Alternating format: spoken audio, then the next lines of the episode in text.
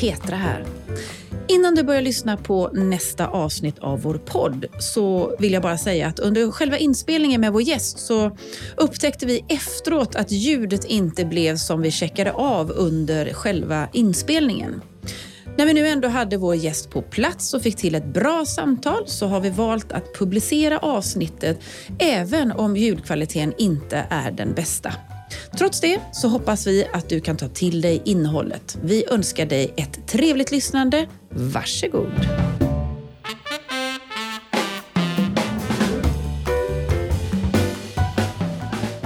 Välkomna till Styrelsesnack med Malin och Petra. Och det är jag som är Malin och mitt emot mig sitter Petra. Hej Petra! Hej hej Malin! Nu är vi här igen. Ja men det är vi och jag är så glad för att idag är jag med i studion i Stockholm. Det är inte sånt här eh, P3, jag är så glad att jag har kommit fram på länk, utan idag är jag live tillsammans med dig och vår fantastiska gäst Liselott Hägertz Engstam. Välkommen Liselott! Tusen tack! Och den här podden Petra, vi har ju kört ett tag nu faktiskt. Jag kan inte säga att vi är erfarna poddare.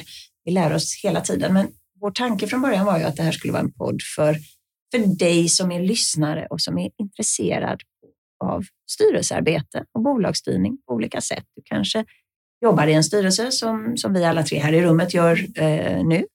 Eh, du kanske är nyfiken på att ta ditt första styrelseuppdrag. Du kanske är ägare. Eh, vi har ju haft eh, avsnitt om valberedning och om search och, och, och, lite eh, av varje och vi är som alltid väldigt tacksamma för de eh, kontakter vi får med dig som lyssnar och alla goda eh, synpunkter på vad vi, vilka vi ska bjuda in som gäster framåt.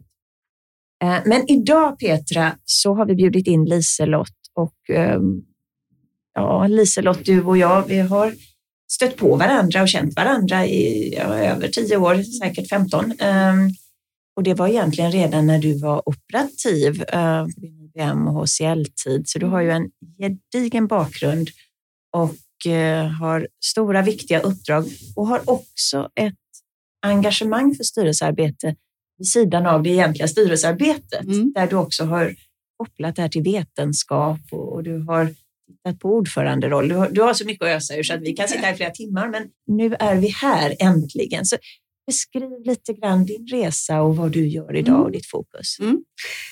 Um, jag eh, kan man säga kommer från techindustrin och har jobbat internationellt eh, i många år. Eh, i det så har jag ju då eh, kört ganska stora organisationer eh, och då är det ju två saker som man vet. Det är nästan att allting är alltid förändring eh, och det är människorna som driver förändringen. Eh, och jag jobbar ju även eh, med att hjälpa styrelser i mitt operativa jobb. Och då tänkte jag när jag eh, gick över till mer styrelsearbete, hur svårt kan det vara? Det här verkar behövas lite fler eh, goda krafter i. Då var det två saker som slog mig i det. Det ena var ju att vi har ett ganska historiskt sätt att titta på styrelser då när jag kom in, nu är det ett tag sedan, att man tar sitt goda erfarenhet och så sätter man sig i styrelse och så behöver man inte fortsätta utvecklas. Det var ju den ena som jag tyckte så går det ju inte att ha det längre. Världen utvecklas otroligt snabbt varje år, så man måste hitta nya sätt. Det var den ena delen. Den andra delen var att jag tyckte nog inte riktigt att styrelsearbete i formen som vi har haft den fungerar, utan vi måste hitta nya eh, sätt att hjälpa ledningarna att utveckla bolagen. Och det gjorde att jag kom in på forskning. För det spelar inte så stor roll vad jag tycker och hittar på, utan jag måste liksom hitta den vetenskapliga basen för det och därför så har jag ägnat mig åt eh, fyra längre eh, forskningsuppdrag där en del handlar om företagsutveckling, innovation och styrelsearbete. Och då lärde vi oss att innovation som ord kunde vi inte använda med styrelserna för då uppfattar de det som ett operativt ord, men företagsutveckling gick bra för det tycker man att man äger. Och sen eh, så gjorde vi ett specialuppdrag faktiskt ihop med eh, Convent och Wallenbergsfären där vi tittade på hur styrelser ska styra AI och hur de kan guida inom det området. Och sen jobbade jag vidare, men jag är ganska eh, tätt knuten till INSEAD på olika sätt och jobbade där med att titta på ordföranderollen och kontrastera den med ordföranderoller i resten av Europa. Ehm, Eh, så en jämförelse mellan den svenska och den europeiska? Ja, och en beskrivning av den svenska också, vad som är lite mer unikt med den svenska, eh, som skiljer ut. Jag är lite nyfiken också då när du refererar, för nu är det ju forskning som handlar om liksom hur är det nu och hur kan vi jobba framåt. När du refererar till hur vi har gjort det historiskt, om du bara kort skulle beskriva liksom, vad, vad menar du, hur gjorde vi det historiskt? Det här gamla klassiska, om du bara kort skulle kunna beskriva, vad, vad, vad är det? Eh, fasta möten, det är mm. bara då vi liksom bidrar. Vi bidrar bara i själva mötet. Eh, de som bidrar eh, är ganska lika varandra, de är inte så olika. Eh, vi har, hade en syn på att liksom allt som vi skulle ta in då kom bara från dem. Mm. Kom inte från någon bredare bas. Eh, och det var mer styrningsfokuserat än att guida bolaget till affärsutveckling. Mm. Men jag, jag håller ganska mycket med det där, även om jag, jag, tänker att du kanske har jobbat med styrelsearbete längre än mig. Men, men jag håller med om den bilden när jag började, att eh, det är lite grann så man beskriver mm. det gamla. Sen, sen tycker jag det är lite intressant, um, både du och jag jobbar ju med styrelseutbildning, mm. fast på lite olika, uh, lite olika sätt. Uh, det här med att arbeta i en styrelse och sitta i en styrelse. Mm debatterar man ju lite grann om. Och det är ju någonting som vi pratar väldigt mycket om, att vi, vi arbetar ju i en styrelse. Men sen så funderar jag om, om sitta i en styrelse, är det ett verb? Vad tänker du där? Alltså jag tänker att de som idag eh, arbetar i styrelser, de kanske använder ordet sitta i styrelser, men de menar att mm. i styrelser. Mm. Alltså jag, kan, jag, jag sitter inte i några styrelser där folk liksom inte har läst på när de kommer. Eh, så det, det, det, det, det, för, ja. det finns inte längre. Mm.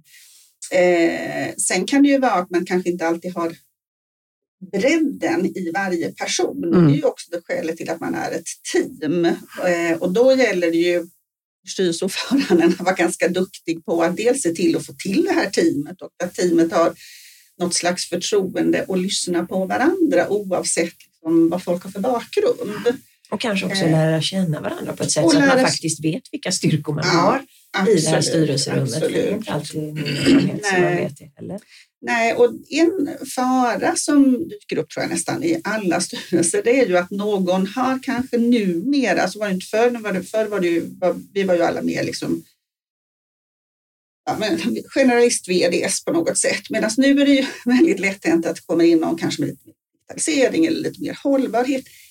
Alltså fortfarande kan jag säga att jag sitter i styrelsemöten där folk säger, ja vad tycker du mm, som har den bakgrunden? Du förväntas representera det. Ja, och och där tycker jag styrelseordföranden en ganska viktig roll att säga, det är naturligtvis intressant, men vad, vi behöver allas synpunkter på det här. Och att ha bredd, för det är väl någonstans så att även om det självklart finns till exempel digitala experter ja. så måste ju alla i styrelserummet ha en känsla för digitalisering ja. och kunna ställa intelligenta ja. frågor. Och det, beroende på liksom vilken typ av bolag man är, de personer som kommer upp som har någon av de här bakgrunderna eller någonting annat. Alltså, de har ju så pass mycket bränn från sina tidigare erfarenheter så det är ju inte det enda de kan. Då skulle de i regel inte hamna i en styrelse. Men, men jag tycker ändå det är intressant om du, nu när vi ändå pratar om det här med vad, vad styrelsearbetare och styrelseengagerade ändå på något sätt basic nivå ska kunna och ha med sig. Eh, skulle du kunna sätta fingret på ett antal sådana liksom, erfarenheter eller egenskaper som man generellt ändå skulle kunna som ägare, valberedare eh, ha som kriterier när man utvärderar styrelsekandidater? Eh, kan du sätta fingret på några sådana områden som du säger att det här, det här, måste, det här måste alla kunna? Alltså då ska jag säga väldigt exakt två områden. Det ena är vad betyder att köra ett bolag? Mm. Alltså det är väldigt svårt för en vd att lyssna på någon som inte riktigt förstår helheten och komplexiteten att köra ett bolag. Mm. Och sen är ju naturligtvis den andra delen, man måste kunna hur man, läsa ut finanserna. Man måste förstå, för finanserna är ju slutresultatet på vad en verksamhet gör. Om man inte förstår att utvärdera finanserna så det är ju väldigt svårt eh, att både ha kontroll och se vart, eh, vad det är som verkar generera värde. Mm. Eh, sen, jag jobbar ju mycket också med private equity Mm. eh, och eh, har faktiskt private equity inne i nästan alla mina noterade bolag också. Ibland till och med de som har sett till att jag kommer in. Och jag tycker att de, jag gillar det eh, rent generellt, efter jag gillar starka ägare. Jag gillar att det är någon som man kan bolla med lite närmare då i, i, i form av att lyssna på ägarna. Sen är ju inte de de enda man lyssnar på helheten, men det är någon som har en åsikt om ungefär vad det är. Och de har också fingret ett snäpp mer än generella ägare på att man ska göra värdeutveckling. Mm. Och om man kommer in som ny eller som de, man är tillsatt som ordförande, då får man inte alltid det här givet, men de har ju nästan alltid värdeutvecklingsplaner. Så de har ju en idé om varför de förvärvar det här bolaget och vad det ska göra och det är den som jag nästan alltid ber att få. Mm. Jag vill gärna se vad er idé var med värdeutvecklingen. Vad tänkte ni att den skulle komma ifrån? Men eh, då är jag också nyfiken på ehm, om man då har olika typer av ägare. Alltså att du har ett väldigt jag ska säga, splittrat ägande med ägare med kanske lite olika agendor. Det vill säga om vi nu tar det liksom i kanske den privata sfären då med grundare som är kvar. Man kanske har lite affärsänglar på resan och sen så kanske man har andra typer av ägande, mer professionellt ägande. Alltså, och så bygger man vidare bolaget så och så blir det till slut en ganska stor smältdegel av olika agendor. Eh, har du några ref- reflektioner på den typen av situation? För det är ju också en ordförandes huvudbry, tänker jag. Eh, att balansera de här olika eh, agendorna, krafterna och så. Mm. Eh, ja, men det har jag absolut. Eh, vi har faktiskt något unikt i eh, Sverige och Norden och det är ägardirektiv. Vi tror att det där är generellt, men det finns nästan inte ute i övriga Europa. Och det är ju det sättet som är ett fantastiskt sätt att få dem att ena sig. Mm. Och sen får man ju då hitta sin balans som styrelseordförande. Man får försöka putta ut ägarfrågorna ur styrelserummet och helt enkelt bara säga jätteintressant, men det där är en ägarfråga. Eh, det kanske vi kan ta senare eller ni kan ta senare. Eh, eh, och, och sen är det ju så att om man är styrelseordförande i de rollerna, då hamnar man ju ofta i en mentorroll, lite faciliteringsroll kring de frågorna. Och jag tänker mer så här att eh, om, när man ska ta ett uppdrag så är det ganska viktigt att försöka peka på jättegärna ta det här uppdraget, men om ni tar ett ägardirektiv så rekommenderar jag att ni skaffar det först. Eh, jag kanske kan hjälpa till, men eh, försöka få det på, på banan.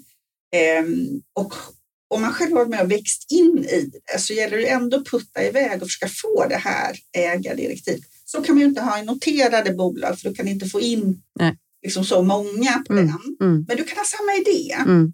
Så att eh, det är där jag menar att värdeutvecklingsplanen och någon slags syn på vad är rimligt? Och det är två dimensioner. Det ena är vad är rimligt liksom att vi ska utvecklas? Är det 2% 5% 10% Vad är rimligt? Och vad tror vi att bolaget är värt? Mm. Det här är en sån här jättebra fråga att hela tiden försöka hålla tummen på. Och ehm, jag gillar ju att man tar in olika intressenter i rummet och eh, bidrar till styrelsen. Och jag, vid flera tillfällen så har jag varit med, då tar man in eh, analytiker och så säger man till dem så här, ja men om vi nu är en miljard, vad tycker ni vi skulle behöva göra för att bli två miljarder? Eller vad det nu är för någonting. Eh, vad ser ni skiljer oss från att ta oss dit? Fantastiskt inspel. Och man kan göra det även till och med med sin bankman. Man kan göra det med sina revisorer. De, har jättemycket, de ser ju jättemycket fler bolag och de har ju ofta den insikten, men det är inte riktigt deras uppdrag att bidra med den i, Mm. sin, i sin roll som de har nu. Och du, jag tänker det finns ju eh, flera, flera skäl att ha just den här, eh, vad är bolaget värt, Mm. eh, på, på sin agenda. En, Mm. eh, Ett annat skäl är ju faktiskt att i en, en övertagssituation, en takeover-situation, att ha det här, för då är det ju styrelsen som ska Ja. värdera, det har vi pratat med en annan gäst om tidigare, det är ändå styrelsen som ska värdera Mm. ett bud eh, och, och som har en insikt sikt om vad som ligger i strategiplaner framåt och så, så att man vet om det är värt att rekommendera aktieägarna eller Mm. inte. Så det är väl ytterligare ett skäl, ska vi säga, att, att faktiskt Mm. ständigt känna till. Du, en annan fråga när du pratar ordförande och tydliga ägare och Petras fråga här om lite olika ägarviljor. Mm. Hur ser du på ordförande? Ska det vara då en oberoende person eller kan det vara en person som faktiskt är en av de stora ägarna? Jag tror man får titta lite på det på eh, de olika situationerna. Rent generellt så tycker jag kanske att det ska vara en oberoende person. Eh, och man kan ju se, eh, den tar tillbaka till private equity som ändå är bevisligen de som drivs, driver mest värde ut eh, ur sina bolag, så har de nästan alltid beroende. Men sen kan det ju finnas situationer där det finns någonting i bolaget som gör att du vill behålla ägaren väldigt nära under en övergångsperiod, nära ihopkopplad med vdn. Ja, men då kanske det finns ett skäl att den är så nära så att de kan liksom jobba ändå mer i ett tandempar och då får ju resten av styrelsen försöka hitta sin roll att ifrågasätta kanske mer saker som de har kommit överens om. Eh, Och det är lite den rollen man också har med, med private equity när man kör trojker som Just det det. heter. Mm. Och beskriv vad en trojka är så alla som, som Ja, lyssnar ändå ja, förstår ja. vad man menar med det. Ja, väldigt vanligt är att man har tätare möten mellan ordförande, vd och någon investment manager eller partner eh, på eh, investeringsfirman. Då. Och, och, och de mötena är både lite strategi och lite eh, taktiska beslut och finansieringsbeslut och vad det kan vara för någonting. Eh, och då gäller det ju igen som styrelseordförande se till att det inte blir A och B-lag. Mm. Precis. Och att det inte faktiskt, det ska inte fattas styrelsebeslut i Nej. den här trojkan. Nej, Och, styre. och det, det kan man väl säga, det tror jag både du och jag har känt att, att eh, och vi alla tre har känt att, att om det då i en trojka eller en trojka-liknande grupp tycks att i princip ha fattats ett beslut så måste jag som styrelseledamot ändå ta den tid jag behöver och ställa de Absolut. frågor jag behöver för att landa i, i att stödja eller inte Mm. stödja det beslut som, som läggs fram. Jag håller Eh, verkligen Ett med. annat eh, sätt, för jag vet att du liksom jag arbetar i England ibland och där, Mm. där finns ju också rollen som jag har i, i det brittiska bolag jag jobbar i som är, är Senior Independent Director, heter det, SID, som är någon form av vice ordförande på ett sätt, Ja. men som också faktiskt är den person som både bolaget och de andra styrelseledamöterna kan vända sig till om man behöver liksom en, en medling eller en, en, en tanke kring ordförande. Um, så att det finns en uttalad person. Men du är fortfarande ledamot då? Absolut, jag är Mm. ledamot. Så du är en del av gruppen men du har ett specifikt eh, uppdrag liksom som... Ja. Vara Mm. liksom den länken Mm. och att kanske ha en, en tätare kontakt utan att det då är en, en Mm. uttalad trojka med, med Mm. ordförande och ett, ett stöd för Ja. honom i det här fallet. Och lite mer lite det som vice ordförande som en del bolag har också som jobbar lite närmare i det. Vi har ju något annat som är helt unikt i Norden som vi kanske glömmer bort då. Eh, och det är vår form av nomineringskommitté Mm. och ordförandens roll i det. Ehm, och eh, om man inte känner till det så är det ju så här att nomineringskommittén i i princip i alla andra länder utanför Norden, då är det en, en del av styrelsen. Nu pratar du valberedning. Valberedningen. Mm, så vi, mm, Ja. Nomineringskommitté eller valberedning? Ja. Ja. Mm. Och i Norden så är det ju oftast en representation av eh, de större ägarna. Det kan vara någon oberoende med och sen är oftast eh, ordförande med.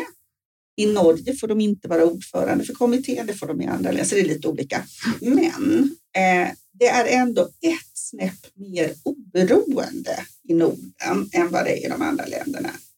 Och har man själv gått på intervjuer till exempel eh, för eh, styrelsearbete internationellt, då ser man ju direkt, eh, här sitter människor som är de som har tagit fram den här strategin, som har tagit det här bolaget till att faktiskt behöva utvecklas bättre. Mm. Och då är det de som intervjuar en för att ta nästa steg. Eh, då tarvar ju det att de verkligen orkar tänka att vi behöver någon som inte tänker precis som vi. Och det gör man ju inte alltid. Mm. Ehm, och i Norden så eh, tycker jag också att det är väldigt det finns en annan väldigt stor fördel som har just med ordföranden att göra. Det är att ordföranden får en naturlig kontakt med ägarna mm. under åtminstone tre, fyra möten per år. Så inte handlar om eh, att det är någon jätteutmaning som vi behöver ta beslut kring eller någonting annat, utan det handlar faktiskt om bolagets långsiktiga utveckling. Eh, jag tycker det är jättebra. Och det man kan säga, och det känns lite märkligt kan jag tycka, att vara nomineringskommitté och sitta och, och framförallt föreslå sig själv för ja, omval, den, ja. den är väldigt märklig. Men den fördel som man kan hitta och som en extern, vi har ju pratat valberedning mm. specifikt, men som en, en, en liksom den svenska versionen av ja. valberedning där det är de är representanter för de, de stora ägarna oftast. Eh, det man får när det är en, en, del av styrelsen, det är ju att man har en förståelse för styrelsearbetet. Som representanten ja. för ägaren inte, alltså som representant för ägaren, för jag är ordförande i en mm. valberedning. Mm. Mm. Jag får ju precis det du säger, jag får ju ordförandes bild och jag får ta del av styrelseutvärdering. Jag pratar med vd, jag pratar med alla styrelseledamöter, men jag är ändå inte i styrelserummet. Så att det är, om man kunde ta det gottiga från båda. Det, det håller jag verkligen med om. Och så får man ju försöka få styrelseordföranden att vara den som förmedlar det på ett bra sätt. Då. Och hoppas att man har en bra eh, styrelseordförande. Och om man har en tredje, om man har ägarna, styrelseordföranden och man kanske har en tredje person involverad eh, så är det väldigt bra om de förstår styrelsearbete och förstår värdeutveckling. Mm. Vad, vad gör man liksom typiskt mm. i de här? Därför att det blir väldigt lätt Eh, att det stannar vid, eh, eh, ja men vi har det här, vi skulle behöva, vi har inte den här profilen. Men vi, vi har, man har lite svårt för att ta den här, vart är bolaget på väg? Och det skulle man behöva ha eh, lite tydligare, tror jag, även i valberedningar. Mm. det tycker jag ändå att en del av ägarna är bra på, särskilt om de har pratat med sina egna analytiker innan. Mm. Mm. så att de förstår. Jag, jag har en, en helt helt annan fråga, vi kan komma tillbaka till det här sen, men, men jag tänker lite grann igen, jag satt och tänkte så här, ja, men hur tänker Liselott utifrån vad är styrelsens roll och vad är ledningens roll? Mm. Och det kan vi komma in på, mm. tänker jag. Och om jag backar den frågan lite och säger att utifrån att du själv har varit, eh, du sa det tidigare, mm. att i din värld är det viktigt att ha varit operativ så att man har en förståelse, för det ger dig också en trovärdighet, om jag hörde det rätt, mm. i förhållande till vd. Att man känner att men det här är någon som har varit igenom det här fattar vad hon säger.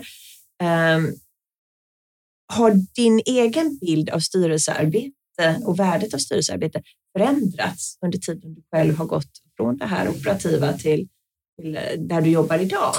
Um, Värdesätter du styrelsens arbete mer idag än vad du gjorde när du var operativ? Jag trodde kanske att styrelserna bidrog mer än vad de har chansen att göra om det inte är bra styrelsearbete. Ja.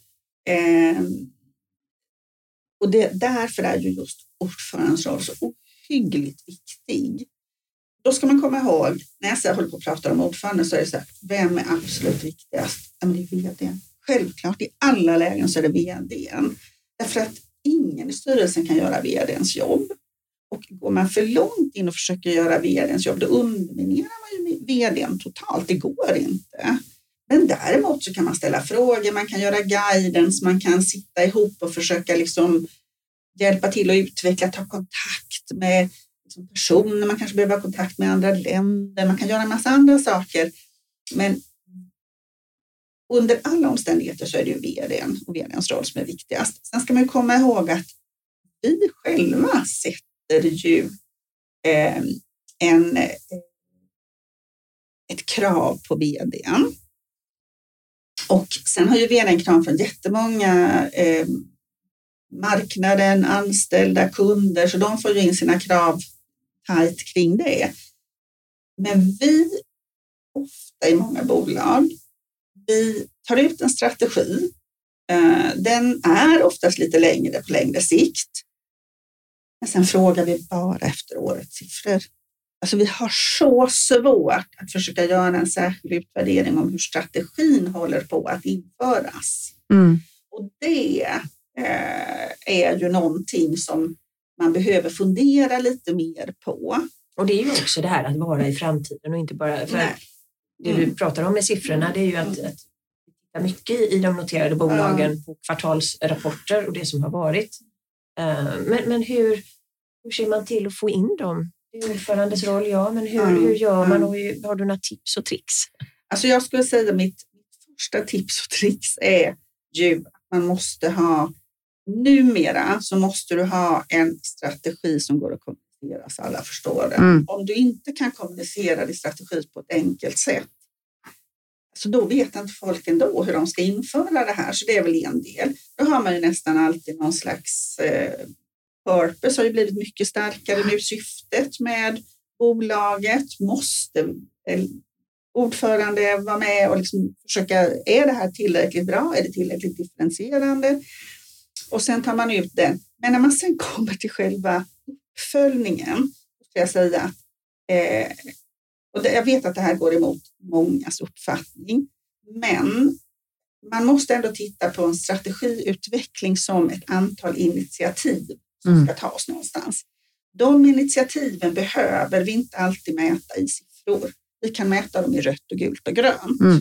Och vi kan låta vdn och de andra vara de som säger om det är rött eller gult och grönt. Därför att vi ska också komma ihåg att vi har tagit ut en dröm. Mm. Och den drömmen kanske några av de initiativen, det var inte möjligt. Det går inte mm. att göra det här. Då måste vi ju liksom försöka följa det här och inse, ska vi byta något av angreppssätten i de här initiativen? Eh, så lite rött och gult och grönt eh, som signal, eh, inte bara siffror. Och sen se till att i de här olika ha varje strategiskt område dyka upp minst varje styrelsemöte mm. och se till att lägga det tidigt på dagen. Mm. Men, men jag upplever, jag vet inte om ni, om ni delar den uppfattningen, men jag upplever att vi idag lite mer pratar mer strategi. Att vi pratar mer om att det inte behöver vara siffror. Mm. Um, att vi också förstår uh, det här med utveckling, innovation kommer in med. Jag vet att du sa tidigare att uh, företagsutveckling, det ägde, kände styrelsen att de ägde, men inte innovation, vilket var väldigt intressant. Uh, för jag ser väldigt många, nu jobbar jag ju oerhört mycket i den onoterade världen, där man har insett insett, några bolag jobbar ju med innovation och har det som en hel liksom, DNA-del. Eh, eh Medan lite äldre bolag kanske inser att amen, vi behöver verkligen ta ett större kliv in i det här. Därför så blir det ett strategiskt initiativ. Hur kan vi jobba mer med innovation? Eh, och, så, och då blir det en styrelsefråga. Så. Men jag uppfattar också att man är mer pratar mer om det där som inte går att mäta exakt utan man mer liksom försöker stämma av. Mm alltså, åt vilket håll går det? Men, men jag tycker det är en intressant fråga och om vi ska tillbaka till ordföranderollen. Tiden går ju väldigt fort när vi, när, när vi eh, diskuterar intressanta saker så jag vill komma in på ordföranderollen lite mer och den här forskningen som du också bedriver.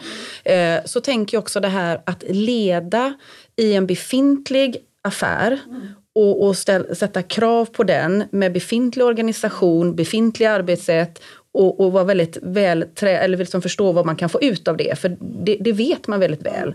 Medan det här som är det nya, där man inte liksom riktigt vet, utan det är mer syftesdrivet, det är den här drömbilden eh, som ska hela tiden kalibreras mot den verklighet, den förutsättning och de resurserna som vi har. Vad tänker du kring liksom den moderna ordförandens roll i att förstå mm. det här eh, att vi behöver göra båda sakerna men det kräver olika typer av ledarskap, tänker jag. Framförallt de som kanske är i en befintlig affär som har funnits ganska länge eh, och helt plötsligt så behöver man ställa om. Mm. Den liksom lite grann uppvaknandet mm. och att kunna som ordförande bidra till att ägarna ska känna sig trygga med att styrelsen har, har förmågan att hjälpa bolaget i det. Eh, att vi kanske har ledamöter och även en VD och en organisation som har tillit till att eh, vi tar rätt beslut uppe i styrelsen. Mm. Har du några tankar eh, och funderingar på det? Ja. Alltså rent generellt, vi har gjort en hel forskning kring hela det här området. Yep. Då, har vi, då kan jag säga att vi har tre områden som en styrelse behöver vara lite bättre eller som de styrelserna som hjälper sina organisationer att vara lite bättre på. Den ena är det som vi talade om innan, man måste bli bättre på att eh, ta in information från sin omvärld snabbare, från andra källor. Eh, man kan inte bara få det från företaget självt, utan man måste vara eh, bättre på att ta in information. och kunna knyta ihop vad det betyder för bolaget. Den andra delen handlar ju om att göra själva strategin, att våga göra om strategin. Vi kommer ju från en miljö, särskilt om du har ett befintligt bolag där det är väldigt lätt att tänka 10 procent till, mm. en liten knuff till. Men styrelsens roll där är ju att våga och orka tänka om. Eh, jag ska bara ta den sista först. Den tredje området, det handlar om att eh, hitta ett bra sätt att allokera resurser, att våga ändra på resurserna, att våga göra en förändring i det. Men om man tar det här med, med att våga tänka om, så skulle jag säga, jag jobbar jättemycket med hållbarhet nu. Och då är det så att det finns en fantastisk möjlighet med hållbarhet. Det är nämligen så att där pratar man ju om olika skop. Där skop 1 är sin egen lilla verksamhet hela vägen ut till skop 3 som då är hela leveranskedjan men också alla dina erbjudanden. Och då är det så att det skapar en jättebra förutsättning för styrelserna och ledningen att titta på är vi ens i rätt verksamhet? Mm. Borde vi ändra? Borde vi gå in i någon annan bransch? Borde vi tänka på andra erbjudanden, andra affärsmodeller? Eh, borde vi lämna över en del av det vi gör till andra bolag och flytta oss runt omkring i våra värdekedja? Det är inte riktigt så vi har jobbat med strategi tidigare, men det är ju någonting som nu mm. eh, tack vare faktiskt hållbarheten hjälper till att knuffa hela strategiområdet också. Det är ju spännande. Tack för att du säger det. Det har jag faktiskt inte tänkt på. Att, att det ger ju den här kartbilden mm. som man kan behöva för att ifrågasätta. Mm. Men om vi går tillbaka till det här andra området då som du säger kring, kring eh, liksom att våga göra om strategin. Mm. Eh, hur ofta ska man våga göra om strategin? Alltså jag tror att numera så är det dels precis som förut. Du gör om strategin, du måste få till en basinriktning. Eh, sen handlar det om hela första området. Vad händer för övrigt? Eh, jag sitter i flera bolag där vi har gjort ganska stora förändringar och så inser man ändå, det här kommer inte hjälpa. Det räcker inte, vi kommer inte kunna säkra en värdeutveckling. Då får man ju ta tag i strategin fast du inte är i exakt det året eller mm. exakt den delen, då får du ta tag i det då. Och det är styrelsens roll. Men sen på små ändringar, om jag får använda det, ni förstår att det inte är små, men mm. eh, att försöka bevaka varje strategiområde. Det är ju någonting man fortsätter att göra under årets lopp. En strategi är ju ingenting annat än implementationen av en förändring. Mm. Och den kan man ju behöva skruva på under hela tiden medan den större måste man ju ändå rent kommunikativt också försöka hålla fast. Det ska ju vara en dröm, någonting vi ska ta oss till och en värdeutveckling som stödjer det. Jag är lite nyfiken också då på vad är det du ser, och det kan ju vara en fråga till dig också Malin. Eh, vad är det ni ser är de största hindren för de här kanske lite mer om, alltså omställningarna, strategiska mm. omställningar som, som bolag har? Alltså jag, eh, vi resonerade lite grann innan vi startade inspelningen här, liksom, att, att det är så komplext och, och att eh, den operativa verksamheten idag är så mycket i det operativa dagliga så att när man lägger i tillägg till det någon form av förändring så är det nästan, är det inte liksom så att det, det står och flåsar en i nacken och man liksom inser på riktigt att det här måste vi göra annars är inte mitt jobb kvar imorgon eller vi finns inte kvar imorgon. Det här sense of urgency. Finns inte den där så upplever jag att den här förändringen som vi kanske har kommit överens om i den strategiska planeringen, alla styrelse, vd, ledning och chefer kanske ner i organisationen och kanske till och med medarbetare. Sen när vi ska jobba med implementationen så mäktar man inte med, man orkar inte. Eh, man har svårt att prioritera om. Jag vet inte om ni känner av samma eh, argument och hinder i de verksamheter som ni är styrelseengagerade i? Ja men absolut och jag tror du, kan, du har säkert precis lika mycket erfarenhet som jag har men jag tycker att just nu sitter vi i en helt förskräcklig situation med kriget i Ukraina. Eh, det är ju typiskt ett sådant exempel. Det var jättemycket strategiska val vi måste göra nu eh, och vi har massor med extra styrelsemöten. Men vi måste också få vår verksamhet att fortsätta att rulla. Mm. Då får man ju lite ta till de här vanliga knepen som vi även gjorde i början på, på pandemin. Någon i företagsledningen, några fler har extra fokus på det här så inte alla blir helt uppslukade av samma sak Mm. i de här förändringarna. Mm. Försöka dela upp så att om det nu är eh, det geopolitiska, vad betyder det? Räntorna ändras eller om det är eh, cyberhistorierna, vad ska vi göra? Vi, vi kan inte ta att hela verksamheten sitter och funderar på samma fråga utan försöka hjälpa vdn och säga kan du få ut någon subgrupp som Mm. kan jobba med det här? Borde vi ta med någon från styrelsen som hjälper er att se över det här? Mm. Det skulle jag säga är, för man, det är väldigt svårt, man mäktar inte med. Sen skulle jag säga att ett av våra som vi måste orka släppa från styrelsen också den här detaljuppföljningen på allt. Mm, mm, Därför att när vi ställer frågor så blir ju det jobb varje gång Mm. för hela organisationen och vi måste försöka, och det är ju styrelseordförandens verkliga roll, så det är jätteintressant. Det får vi ta en annan gång. Vi kan inte koncentrera oss på det just nu. Nu måste vi sortera i det här som vi ska koncentrera oss på. Styrelsen, styrelseordföranden själv har ju en jätteviktig roll i att inte släppa igenom alla frågor som även alla styrelseledamöter har mm, mm. Utan försöka hjälpa till att sortera i Mm. det. Säger jag, jag, jag sitter ju bara här och ler och håller med och nickar. Eh, Jag håller helt med dig om det. Eh, Och, att, och och det jag sitter och tänker på det är ju att kan man hitta i samspelet mellan styrelse och högsta ledning, egentligen vd och, och kanske ytterligare någon, Mm.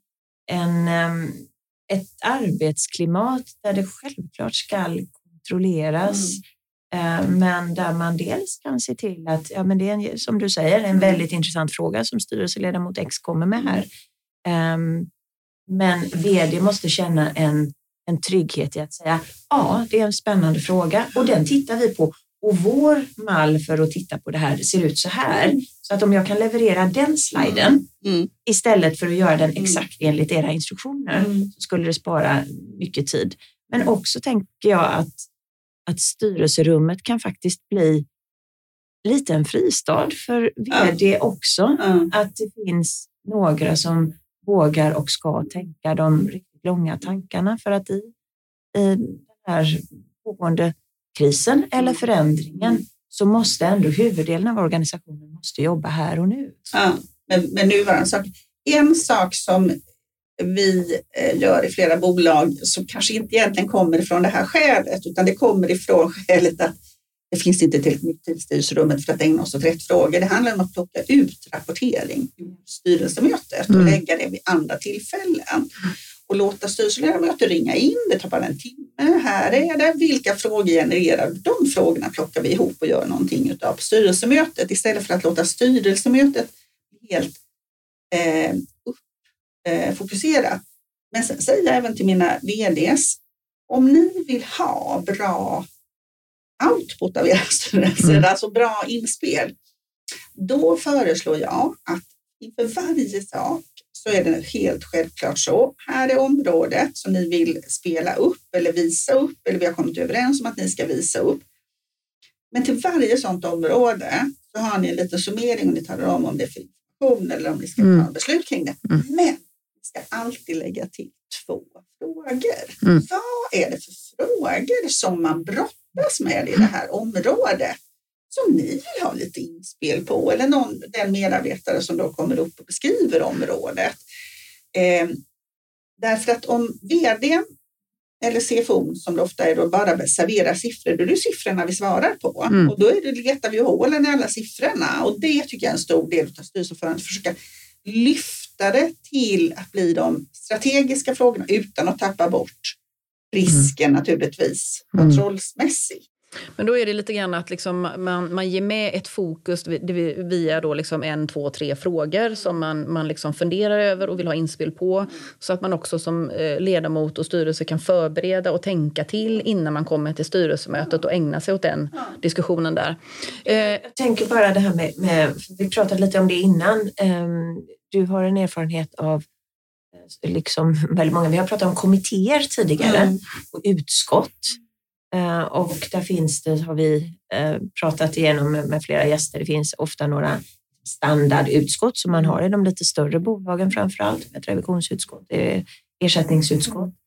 Men du har också varit med om, vet jag, ett antal tillfälliga utskott, att det är ett bra sätt. Och, och, och du pratar också om det ibland Petra, att men då sätter vi en arbetsgrupp och, och, och det där tror jag dels är det nog inte alla som går in i en styrelse som är medveten om att ja, men det kan komma rätt mycket jobb på det här, som i och för sig är väldigt belönande för att det, det ger så mycket. Men kan du inte utveckla det där lite? Och mm. specifikt så tror jag att jag läste någonstans om att du också har erfarenhet av, av en innovation committee. Mm.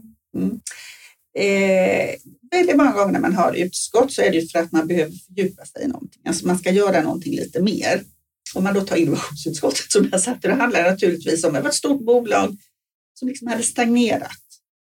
Eh, så det handlar om att försöka få igång, vad är det för processer, vad är det för något vi behöver fokusera för att få igång det här? Eh, så det är ju ofta ett skäl till varför man gör något eller man behöver ta tag i strategin ganska raskt. Då kanske man behöver ha ett temporärt strategiutskott. Den stora delen är ju eh, att hitta ett sätt där eh, man egentligen har bett ledningen att titta på någonting, men man kompletterar det med några styrelseledamöter som man vet har lite erfarenhet kring de här områdena. Och sen handlar det ju om att hitta sätt att få den här informationen till de övriga styrelseledamöterna så att de inte känner sig utanför en dag, utan att de förstår ungefär vad det är för någonting som man har diskuterat och behandlat. Och då brukar jag säga som så, jag vet att väldigt många kan ha väldigt stora åsikter om att man inte ska ha det här och då inte hela styrelsen med. Och då säger jag, då får man, får man hitta den här övervägningen är det viktigare att hela styrelsen är med på precis alla diskussioner eller är det viktigare att vi tar oss fram? Mm. Vad, hur ligger det spelet? Mm. Mm. Och sen måste man naturligtvis hitta, och det är en annan jättestor uppgift, hur får jag till en bra återkoppling av information från olika utskott? Och jag har eh, faktiskt utskott även i små bolag. Mm. Eh, just för att alla behöver kanske inte sitta och dubbelkontrollera precis alla saker. Då kan man liksom lita på varandra. Man gör det som ett teamjobb. Nu har de tittat på det, då behöver inte jag titta på det också. Men att man då försöker samla den informationen som de har baserat det på, på ett sätt som gör att alla kan titta på det så att de, ingen, ingen ska känna sig utanför. De ska kunna komma åt det. Eh, möjligen utom kanske vissa saker kring ersättningskommittéer, då, men allt annat Eh, och eh, känna att de har möjligheten om de var med. Sen finns det ju faktiskt en basdel som vi ofta glömmer bort och det är ju att eh, i princip så är det ingenting som säger att vem som helst kan ju vara med och mm. lyssna på vilken kommitté som helst. Men, men jag uppfattar också, om vi pratar i den privata kontexten då, eh, så ser jag ju det som en resurs där man liksom kanske inte alltid kan begära av den egna organisationen att ta detta i beaktande som ett uppdrag också. Så det handlar ju också lite grann om att värna om resurserna i bolaget. Det handlar om att komplettera de resurserna som redan finns. Eh, och nu brukar ju inte jag kalla det kanske för utskott, för en, en del är lite allergiska mot ordet utskott. Det låter någon, som, vi ska göra en utredning i utskottet. Eh, så, men en arbetsgrupp eh, som möj, mycket, mycket, väl kan vara tillfällig eller liksom över tid ha ett visst område. Så att använda det som en resurs, tänker jag. Eh, att det är ju ett verktyg för styrelsen och för ordföranden också, tänker jag då, att föreslå och, och liksom använda det eh, klokt. Eh, så. Men jag tänker så här, återigen, tiden går fort. Och jag, det är två saker jag skulle vilja eh, ändå liksom att vi har med oss innan du lämnar oss idag. Eh, det ena är ju den forskning som du också då är med och driver kring ordförandeskapet. Eh, men om vi tar den sekundärt och börjar med, eh, du och jag är ju eh, lärare på Styrelseakademin. Du jobbar ju då eh, med den högre ordförandeutbildningen och möter ju väldigt många då eh, erfarna ordföranden i den utbildningen. Och då blir jag ju jättenyfiken bara liksom generellt sett när du möter de här deltagarna. Vad är det de mest hungrar efter att lära sig? Vad är det de tycker är eh, stora utmaningar med att vara ordförande? Har du, liksom, skulle du kunna lite grann reflektera över det? Eh, så? Ja, men då skulle jag säga att en del är ju liksom innehållsdelen, då, vad är det jag ska ha med mig, vad är det jag ska ta upp för någonting. Men den andra är ju också att hantera gruppen. Mm. Det är väldigt mycket kring Eh, hur eh, får jag ut det bästa av gruppen? Hur får jag ut eh, det bästa av enskilda individer? Eh, och det kan ju vara lite olika nivåer som de har det här. Men sen skulle jag säga den sista delen är ju också att de har ett oerhört stort värde av att prata med varandra. Mm. Det betyder ju inte... Eh, alltså vi försöker spela upp hela den här utbildningen som att vi lägger ut ett antal underlag som vi presenterar och diskuterar. Men deras inspel är precis lika viktiga. Eh, och att de försöker eh, skapa sig en, en, en insikt baserat på det. Sen kan man ju säga så att precis som styrelse, precis som bolagen, styrelserna och ordföranden, ordförandens roll utvecklas ju också väldigt mycket just nu. Mm. Otroligt mycket. Eh, och väldigt många kommer ju fortfarande in med fyra, fem styrelser om året och de ser ut på det här sättet och så där. Det tror jag är det stora aha Jag behöver inte jag kan dela upp, jag kan göra lite olika saker, jag kan ha temporära kommittéer, men jag behöver nästan alltid vända på agendan. Ska jag säga någonting som jag, som jag ser att de kommer in med så är det ju alla sitter och säger, ja men varför har jag kört rapportering så mycket? Så mm. stor del av mm. det. Det är fortfarande så? Absolut. Mm. Men jag vill bara uh, flika in där lite grann. För den, den feedbacken jag kan få då eftersom jag då kör endagsutbildningen nu ordförande, fördjupningsutbildningen då. Eh, det är det här med att, eh, ja nu tappade jag bollen på vad jag skulle säga. Jag kom att tänka på någonting helt annat. Vi tar det sen, den bollen kommer tillbaka. Men eh, om vi går vidare på den här forskningen då som du har varit involverad i just när det gäller liksom det, uh, good share, alltså det, det goda ordförandeskapet. Eh, kan du lite grann bara hjälpa oss att sortera diskutera lite grann. Som du sa inledningsvis, alltså vad är det svenska och vad är det uh, europeiska? Uh. För det tycker jag var väldigt spännande uh. att höra. Alltså vi har ju eh, en, eh, vi har en kontext av starka ägare. Det gör att våra ordföranden också har en länk. Vi pratar om nomineringskommittéerna. Det är väldigt annorlunda i vår kontext. Eh, det vi inte har, det är ju någon slags eh, vi har det för, styrelseordförandena har formellt ansvaret att försöka utveckla sin styrelse. Men om jag tar eh, England, Frankrike, Tyskland, de har mycket mer av ordföranden hjälper varje styrelseledamot och styrelsen gemensamt att faktiskt gå på utbildningar. Mm. Och de har ju hela det, det, andra vi inte har. Vi har ju ingen budget för. På något sätt så lever väldigt många styrelser med att det ska gå på så någon otroligt liten peng. Mm. Så är det ju inte heller internationellt. Internationellt så har man ju liksom någon slags rejäl budget och styrelsen där kan ju på ett helt annat sätt köpa in sekundära åsikter om olika saker. Så det skiljer ganska mycket. Men om man ska plocka upp bara några sådana enkla best practices som jag tycker att vi kan plocka upp lite mer av, så är det ju så här att eh, om man till exempel har ett eh, ett styrelsearbete som antingen är ett heldag på ett större bolag eller en halvdag på lite mindre bolag. Man säger att man ska börja till lunch. Ta in en gästföreläsare på varje lunch eller ta in en, en föreläsare på kvällen innan som eh, presenterar någonting. Och ha gärna med styrelsen, gärna några från ledningen och ha liksom en allmän utbildningsdiskussion innan det ser jag fortfarande väldigt lite av i Norden, mm. men är ju ett kanonsätt och faktiskt ganska enkelt. Ja, men jag tänker också just det här att, att, att, ehm, att ta med sig ledningen. För att mm. eh, Jag uppfattar att en del vd också säger att men när jag eh, träffar styrelsen, mm. eh, ni berikar, ni har perspektiv, ni är erfarna från massa olika bolag. När jag kommer från ett styrelsemöte med påfyllnad av kunskaper och insikter mm. och sen ska jag jobba med min ledningsgrupp mm. så har de inte liksom hört samma sak. Jag ska paketera det vidare. Jag behöver liksom också, eller, jag har fått frågan från flera vd som säger att kan min ledningsgrupp få vara med mm. på vissa av de här kanske gästinspelen, eh, resonemangen som man för eh, så att vi har hört samma sak, vi kan bidra. Sen går de ut och så fortsätter vi styrelsemöte. Eh, så så att, eh, det uppfattar jag som att det finns en, en hunger efter det. Ja, men det gör det eh. absolut. Och det är väl en självklarhet kan jag känna. Det är ja. inte så märkligt. Det är dessutom Nej. resurseffektivt om man betalar för ja. en gästföreläsare. Absolut. Att fler får lyssna. Mm. Ja, det tänker jag. Men återigen egentligen till din reflektion då är att um, uh, vi har inga budgetar. Det här har vi diskuterat i några styrelser uh, och där kanske några tycker då att de här gästföreläsarna behöver väl inte få betalt för att de exponeras ju för en möjlighet till ett bolag att kanske göra vidare affärer. Alltså, vi hamnar lite grann i, det, i, i den fällan, tänker jag.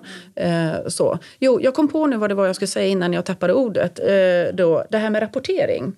Eh, lite era tankar kring det och den, den, feedbacken jag har fått är ju det att ja, men här har ju då kanske ledningsgruppen eller personer i organisationen tillsammans med vd arbetat fram liksom ett underlag och någonting. Och den här stunden där man får prata och presentera och vara stolt över vad är det som händer i bolaget. Att det finns en, e, e, ett, ett värde av det som ligger just i rapporteringstillfället. Vad, vad, har ni för tankar kring det? Liksom? Att, att det är då man också eh, får lite grann ja, men som vd presentera sin organisation som man är stolt över och det som händer där. Och att det blir det tillfället och det är det vi kallar för rapportering. Mm. Vad, vad, har ni för tankar där? Liksom? Eh? Ja, och, och kanske jag ska slarva lite med uttryck. När jag säger rapportering så är det oftast med den finansiella rapporteringen. Okay. Det andra tror jag oftast vi pratar om att man går igenom mm. områden. Så jag håller absolut med om i i princip alla våra bolag så ber ju vi vdn att eh, exponera oss för ledningsgruppen under året mm. på olika sätt och ibland så är det liksom för att de presenterar kanske något område de äger, men ibland kan det ju vara andra sätt som de är med på. Eh, men om jag ska titta på saker som jag tycker har varit väldigt effektivt, då är det just utbildningar tillsammans tvärs över styrelse och ledning och en debattering kring det. Och det liksom enskilda bara träffar eller faktiskt hela små utbildningsserier. Mm. Och det där tycker jag är så spännande Elisabeth, för mm. att eh, det är ju någonting som när man har det yrke som vi tre här i mm. rummet har, att vi är mm. styrelsearbetare, mm. då är det svårt att hitta den här påfyllnaden kan jag känna. Ja. Visst, man kan gå en, en fördjupningskurs ja. på Styrelseakademin, men jag tror inte någon av oss tre kanske söker just den typen av kunskap, utan då är det omvärldspåfyllnad.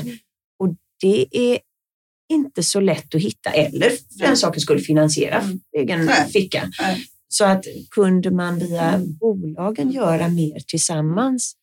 Eh, jag vet ett bolag där som jag jobbade i mm. där vi eh, Eh, där vi anlitade och gjorde liksom en skräddarsydd utbildning mm. på ett internationellt universitet för ledningsgruppen och där vi mm. pratade om, nu blev det inte så att vi bjöd in eh, styrelsen också, men där jag tycker att man kunde ha byggt en gemensam modul mm. för att styrelsen också kunde vara med, för då blir man också ett team som kan ta bolaget framåt. Så det är spännande att du säger det här tycker jag. Men jag tänker eh, den här forskningen tillbaka igen då. Ehm, den här forskningen som jag har försökt att i alla fall översätta lite grann till, till svenska och som jag lite grann berör när, när jag utbildar då i styrelsekunskap. Eh, och den här eh, forskningen från INSEAD mm. som gjordes 2018 tror jag det var, från 30 länder. Och, ja, fast den som jag har varit med ja, var ju senare. Jag, mm, jag förstår det. Men, men om vi går tillbaka till den i alla fall. Jag vet inte hur mycket du, fakta du har i huvudet från den, för den, den har jag lite grann borrat ner i. Eh, där man kom fram till åtta principer liksom, kring eh, vad, mm, liksom, de här intervjuerna och djupintervjuerna som var. Eh, och då var det en av principerna eh, var att eh, man inte skulle fokusera, man ska fokusera mer på ingångsvärden mm. än utgångsvärden. Mm. Och det har jag reflekterat ganska mycket över att vi är så tränade i, mm. i alla fall i det svenska styrelsearbetet, att eh, titta på målet där framme, det vill säga ut, önskade utgångsvärden. Men vi är mindre bra på att mäta och efterfråga kvaliteten på ingångsvärdena. Eh, har du några reflektioner kring det? Ja, absolut. Eh, och nu kan man ju säga så att de sakerna som då har kommit fram i där som vi sedan har fyllt på mm. senare genom att öka med fler länder och öka med djupare mm. delar. De handlar ju väldigt mycket om att försöka förstå det här är saker som kanske inte gjorts så bra och därför så blir det liksom principer som vi ska försöka ja. rikta oss mot. Det är som, jag brukar säga det är som värderingar. Värderingar är inte alltid det vi är bäst på utan det är det vi vill bli bäst på. Mm. Det här är lite samma sak. Ehm, och i, i de här principerna i det här fallet då så kan man säga att det är precis samma sak som, som vi länkar upp till, när vi säger med ingångsvärden, vi säger så här, du måste förstå vad du tar in för information. Mm. Mm. Det är väldigt mycket, det är väldigt likt, det är väldigt mm. i samma härad och på den allra enklaste nivån så kan jag säga att en sak som jag själv gör när jag är styrelseordförande, det är att jag försöker börja mötena innan vi drar igång mötena med att gå runt bordet och så frågar jag, eh, är det någonting som ni har sett som ni tror, kan, som ni tror är intressant eller som ni tror kan påverka? Mm. Och det har två funktioner. Dels är det ju så att folk börjar spana mycket mer. När man har frågat det tre gånger så kommer de, de kan inte sitta där och vara tysta eller komma med samma sak. De börjar spana själva mycket mer runt omkring. Men jag får också till den här fantastiska delen som är några pratar mer, några pratar mindre. Har folk uttalat sig en första gång på styrelsemötet så är det mycket lättare för dem att säga någonting gång två. Mm. Då får jag liksom igång lite grann kring det här med att koncentrera sig på ingångsvärdena mm, mm och att det är viktigt att få dem från alla. Mm. För jag, eh, i, några av mina styrelser där har vi faktiskt kommit överens i styrelsen att alla ledamöterna har sina spaningsområden. Eh, så de har i uppgift att... Eh, men det dokumenterar vi faktiskt i styrelsemötet eh, eh, och där vi också kan bjuda in då ledningsgruppen eh, för de här spaningarna. Eh, och då, då är det ett arbete att göra och förbereda. Eh, så så att det har vi till och med gjort eh, lite, lite mer planerat eller strukturerat. Ja. om man säger så. Och det, det, det, uppfattar jag att, att då känner man sig som ledamot också att man skapar värde, man mm. puttar in någonting. Eh, och jag uppfattar också då att vd och ledningsgruppen, om de är, nu är med, mm. att de också känner att man hjälper till och kompletterar och breddar bilden. Mm. Och att det är väldigt tacksamt och att de, de uppskattar det väldigt mycket. Plus att alla blir synliga också i sin eh, erfarenheter, kunskaper och så. Och likväl då när man kommer med eh, eh, inspel från den verk, verksamheten på ett område där du sa två, tre vassa frågor. Det pratar vi också om då. Ta med dig några eh, insikter med eh, några vassa frågor som vi kan diskutera utifrån dina spaningar också då eh, och ha med oss. Och jag kan verkligen hålla med. Det där är ju lite svårare att göra i stora bolag. Ja, yes. Men i stora bolag kan man göra lite andra saker som man ofta glömmer bort tycker jag. Då är det till exempel så här att stora bolag har ju oftast en eskader som tittar på vad pratas det om våra bolag? Och så får man ett antal klipp sådär. Eh, och, och, och det är två saker som händer då. Det blir ofta liksom saker man har gjort fel. Kanske inte så mycket saker och då kan man ju rikta det mot några håll. Mm. Och så säger man, kan ni försöka leta efter klipp från vårt bolag som handlar om innovation, mm. hållbarhet, mm. digitalisering mm. till exempel. Om man mm. nu liksom, för att försöka få även den inspelet och om man ger det till organisationen, då vet man att de sprider även till ledningsgruppen och till oss i styrelsen. Och så får man liksom alla riktade till den här blandningen, för annars är det väldigt lätt att de här blir väldigt negativa och väldigt fokuserade bara på finansiella värdet. Mm. Men är det inte det som, det, liksom det som styrelsen efterfrågar? Mm. Det är ju det som också får eh, lite prioritering och fokus i, i ner i organisationen. För även om man ställer frågan till vd så kommer den ju att eh, filtreras ner eller efterfrågas vidare i organisationen. Så att, och det kan ju vara på gott och ont, tänker jag. Nu nämner du det goda i det, att, man, att det är fler som får upp ögonen för vissa områden. Men du kan ju också ha en styrelse som kanske eh, vad ska man säga, inte ställer fel frågor, men det, och vi säger så att, liksom, att man ställer för många frågor och också då belastar organisationen med att kanske ställ, fokusera på fel saker, tänker jag. Och då är vi tillbaka i ordförandes roll väldigt, Verkligen. väldigt mycket. Liselott, tiden går supersnabbt. Eh, vi kanske får nöjet att se dig som, som gäst igen, men jag tänker att innan vi låter dig springa vidare, för du har jättemycket att göra vet vi, så tänker jag en, en sista fråga i linje med, med vad, vad vi just rörde oss kring. Att utifrån det här som är så spännande och imponerande i det du gör, att koppla till vetenskap och forskning. Vad skulle du säga är det viktigaste, enskilt viktigaste, låter väldigt dramatiskt, mm. men det viktigaste eh, som vi skulle kunna ta till oss i som nordiska eller svenska bolag mm. Att lära oss att göra mer av för att öka värdeskapandet mm. i, i våra bolag? Eh, jag skulle säga hitta balansen mellan att guida bolaget och styra bolaget. Eh, det skulle jag säga är det absolut viktigaste. Det, det är faktiskt väldigt lätt att man går för mycket på att styra i nästan alla stora bolag. Men det är faktiskt också lite så här, om du tar sig riktigt små bolag, startups, då ägnar man sig också för mycket åt att bara hålla på och guida och guida dessutom, där, du säger, man guidar åt olika håll. Så till slut så vet de inte alls vad de ska göra.